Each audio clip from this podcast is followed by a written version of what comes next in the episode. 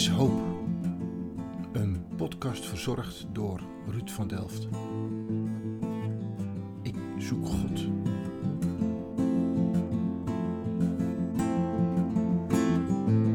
Toen vroeg hij van, eh, wat geloof je dan? Hoe geloof je dan? En toen werd ik stil. Ik had eigenlijk geen antwoord op. Nee, het werd niet concreet. Het werd niet duidelijk voor me. Ik snapte het niet. Niemand snapte het. Je hebt wel een verhaal wat me raakt, dus dat vind ik ook wel uh, indrukwekkend om je te horen. Er zijn mensen die je raken, die je inspireren, die een verhaal met zich meedragen. Voor mij is Ankie zo'n persoon. Zij is voor mij een voorbeeld van hoop. Ik heb een afspraak met haar om haar daarover te bevragen.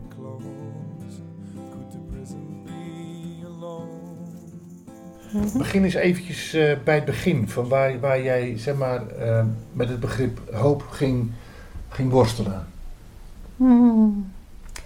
Ik denk dat het begon na de middelbare school, dat, uh, dat ik een andere groep vrienden kreeg. Ja. En één vroeg van, geloof jij in God? En toen zei ik ja, eigenlijk ja natuurlijk, want we gingen altijd naar de kerk en we geloofden. Ja. Toen vroeg hij van, wat geloof je dan? Hoe geloof je dan? En toen werd ik stil. Ik had eigenlijk geen antwoord op. En ik dacht, wat raar eigenlijk. En ik wil altijd uh, duidelijkheid. Oké. Okay. Ken je ook van me, hè? Jij wil weten waar je toe bent. Ja, ja, ja.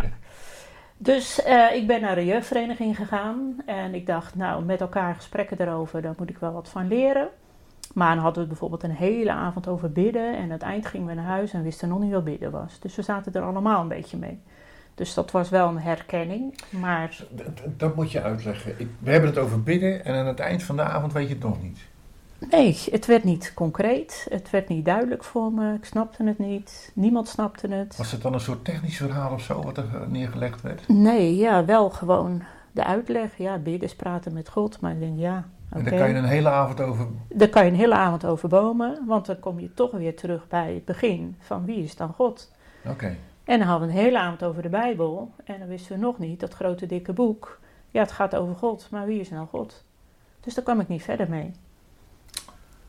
Oké. Okay. Totdat. Totdat, ja. er een echtpaar kwam. En die kwamen praten over hun persoonlijk geloof in Jezus Christus. En wij dachten als groep, ik weet niet of ik dat zo zeggen mag, maar dan moet je naar de heidenen gaan, want wij geloven al. Oké, okay. oké. Okay. dus we waren best sceptisch daarover. Ja, ja. Maar toch, we werden steeds, uh, onze bravoure viel weg. We werden steeds stiller en stiller. Omdat hij heel duidelijk uitlegde de rode draad door de Bijbel. En duidelijk kon uitleggen wat bidden was. En ja, eigenlijk in een notendop dat God zoveel van de wereld houdt en van ons houdt en van mij houdt. Kun je dat dan uitleggen wat hij dan, wat hij dan deed? Hoe dit, wat, wat... Ja, omdat hij in, in, één, in één verhaal kon vertellen wat de rode draad door de Bijbel is dat Jezus gekomen is om voor onze zonde tekortkomingen te sterven. En als we dat aanvaarden, dat we dan in relatie met God komen. Maar klikt dat dan? Dat je, dat je, we waren allemaal helemaal stil en onder de indruk. En jij en, vond dat hij gelijk had van ja... Nee, want ik, ik, ging naar huis en ik ben natuurlijk een denker. Dus ik denk, ja, wie is die man? En heeft ja, hij gelijk? Ja, en het bleef ook een technisch verhaal. Wel, maar het raakte wel mijn hart. Oké. En het hield me niet meer los. En de dagen daarna had ik het idee of er iemand op mijn schouder steeds tikte van uh, Ankie, en wat doe je hier nu mee? Want nu heb je eigenlijk wel, in mijn hart was ik overtuigd zijn uh, waarheidsverhalen, yeah. maar wat doe je er nu zelf mee? Ja, oké. Okay. Hoe kan je dan die God leren kennen? Of Mm, wat dat- is dan de rode draad door de Bijbel? Ik kreeg daar geen antwoord op. En het antwoord wat je kreeg die keer was... eh, in Christus. Dat, Dat Hij eh, de weg is, de waarheid is, het leven is, dat we door Hem tot God de Vader kunnen komen. En dat God, de grote schepper, ook gelijk een heel persoonlijke vader wil maar zijn. dat, dat is die dat, is toch ook een technisch verhaal? Ja, maar het is een verhaal wat eh, heel diep bij me binnenkwam. Wat klikte, wat... Van Maar- ja, zo mag ik Hem ervaren, van als God de grote schepper, maar ook heel dichtbij mijn vader zijn.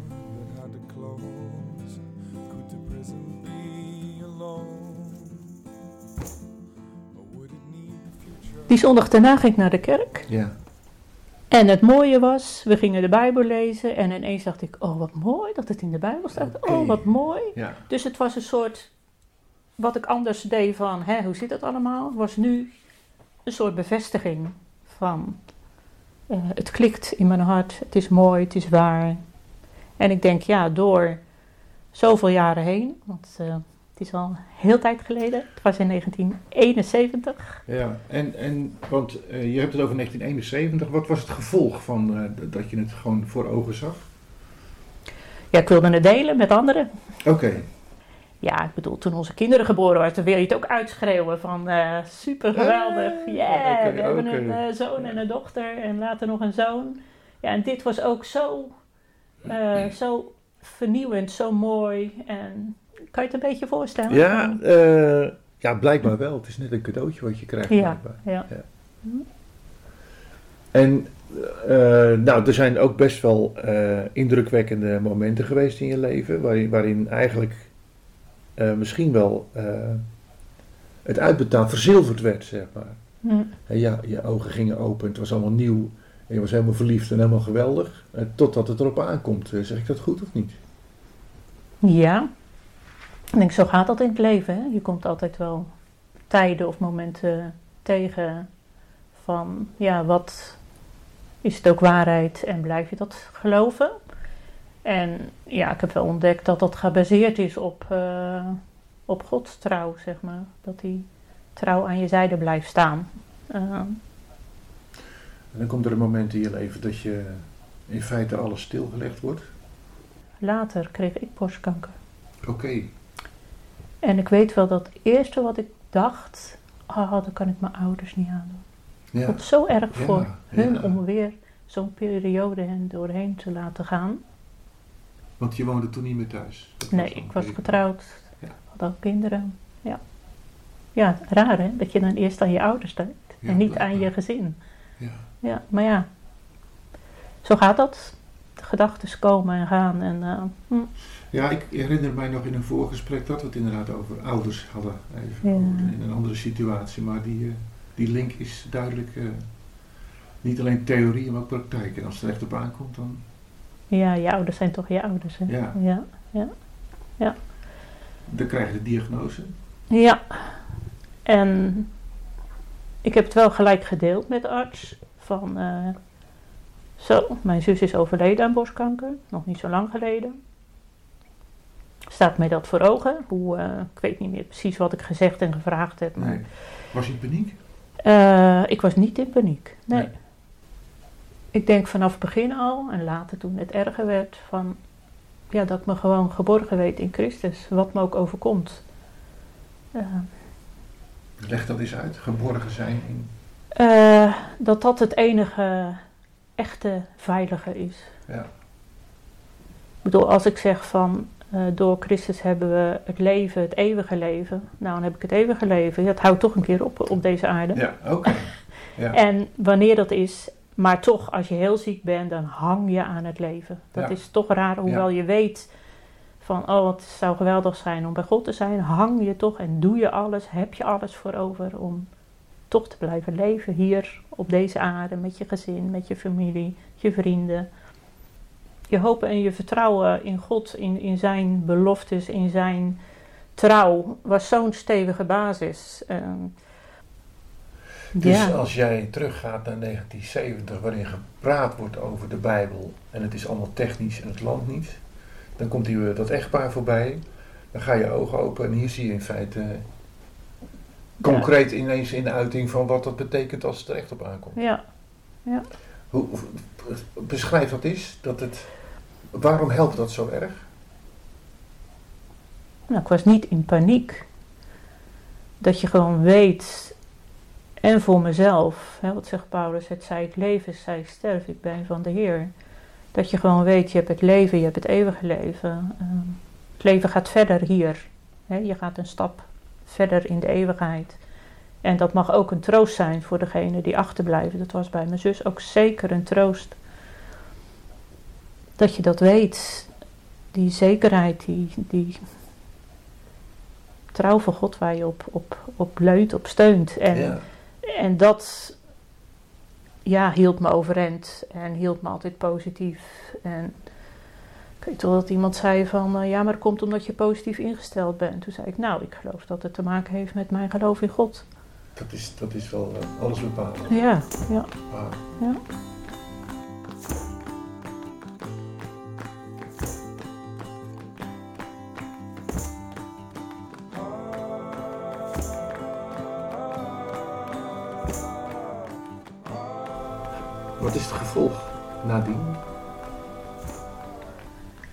Psalm 103 heeft me toch wel erg bezig gehouden van dat ik hem wil loven en prijzen. Loof de Heer mijn ziel, alles wat in je is, zijn heilige naam.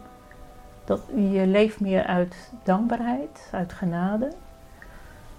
Soms had ik ook wel moeite van. Weet je, mensen vragen zich wel eens af van eh, waarom word ik ziek? Of Ja. waarom overlijdt iemand? Nou, Ja. dat heb ik me nooit afgevraagd. Vraag ik ook niet bij anderen. Maar soms wel eens voor degene, ik heb ook vrienden die overleden zijn, dat ik denk van waarom ben ik, ben ik wel blijven leven? Dus En er zit wel duidelijk een hele andere manier van levensinstelling. Ja. En ook hoe kan ik mijn leven het beste inzetten? Ja, Hoe, heb- hoe, hoe heb je dat gedaan? De tekst uit een psalm, kom ik weer met de Bijbel aan hoor, maar ja, dat eh, was mijn leidraad en dat is het nog steeds. Oké. Eh, ik zal niet sterven, maar leven en de grote daden Gods verkondigen. Psalm 118 of 138, ik weet hem niet meer. Maar, eh, dus ik ben daarna gaan bidden van, eh, nou heer, ik leef nog en dit heb ik voor ogen gehouden. Dus waar kan ik uw grote daden verkondigen? En dat is mijn, mijn leven delen, mijn dankbaarheid delen en vertellen. Aan wie het horen wil, of hoe het Ja, ja. pas komt, of Nou ben je via omzwerving ook bij studentenwerk terechtgekomen, gesprekken en studenten. ja. Daar zie je dan jonge mensen die in feite ook in 1971 leven, alleen dan nu zeg maar, in die leeftijd. Van, hoe, hoe, hoe, eh, hoe is dat gegaan? Nou, je herkent wel heel veel. En ik heb ook Nou, wel... Even overnieuw, want wat, waar, Ja. eh, wat deed je bij die studenten? Waar- waarom, wat ging je doen daar? geloofsgesprekken hebben Ja. aan de hand van vragen. En dat Mhm. vind ik gewoon een hele mooie manier. En in die vragen ja, kwamen heel vaak vragen ook terug, zodat je ging uitwisselen hoe je in het leven kan staan, hoe zij in het leven staan. Je triggert een beetje door vragen te stellen. En ik had altijd voor ogen, ik wil graag iemand één stapje verder helpen dan waar die is. In zijn denken of in zijn doen. Of Is die drive ontstaan doordat je die gesprekken in 71 had en uiteindelijk ook je ziekteperiode? Dat je daarmee ook eh, niet alleen de zaak voor jezelf wil houden, maar dat dat... Ja, zeker. Het zit als het ware als een DNA in je. de- Zo, zo voel ik het wel. ja. eh, ja. Dus, dus je hebt, eh, hoeveel jaar heb je dat gedaan? Vroeger tien jaar en nu twaalf jaar. Vroeger tien jaar? Ik heb vroeger tien jaar eh, fulltime evangelisatiewerk gedaan tot mijn trouwen. ja. Toen zijn we gestopt. En nu dan de laatste twaalf jaar. Twaalf jaar. Dus je hebt heel wat gesprekken Heel nog wat voor ogen gesprek. waarschijnlijk. Ja. Met jonge mensen. Ja. Ja. Ja. Eh, zijn er nog bij met wie je contact hebt? ja, ja, ja, Ja, ja. Hoe verloopt dat contact? Heel open. Heel, eh, ik heb eh, vijf jaar eh, Ladies Nights gehad. Ja. En dat waren open gesprekken, objectief kijken naar mogelijkheden van hoe kun je zien wat is waarheid, wie is Jezus, wat is de Bijbel.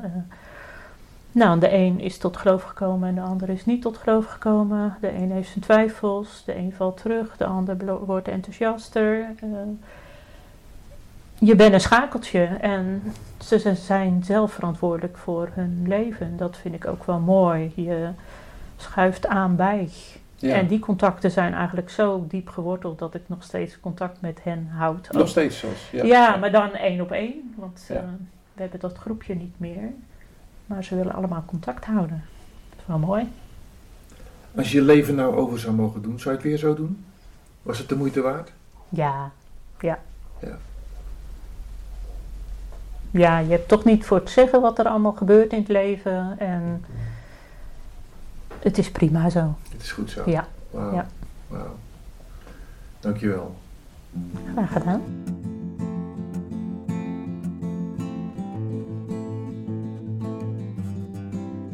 Er is hoop. Een podcast verzorgd door de stichting Agape. Het motto van de stichting is geloven, groeien en gaan. Geloven omdat we vanuit onze eigen zoektocht mensen willen stimuleren mee te zoeken naar God, mee te zoeken naar mensen en hen ook te wijzen op Jezus.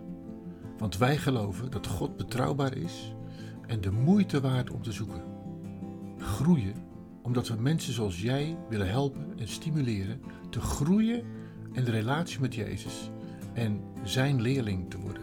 Gaan, we sporen mensen zoals jij aan om anderen te helpen ontdekken wat het is om te leven met Jezus. We leren je om je leven te delen in je eigen omgeving of de plek waar God je naartoe stuurt. Muziek van Behind the Light met speciale dank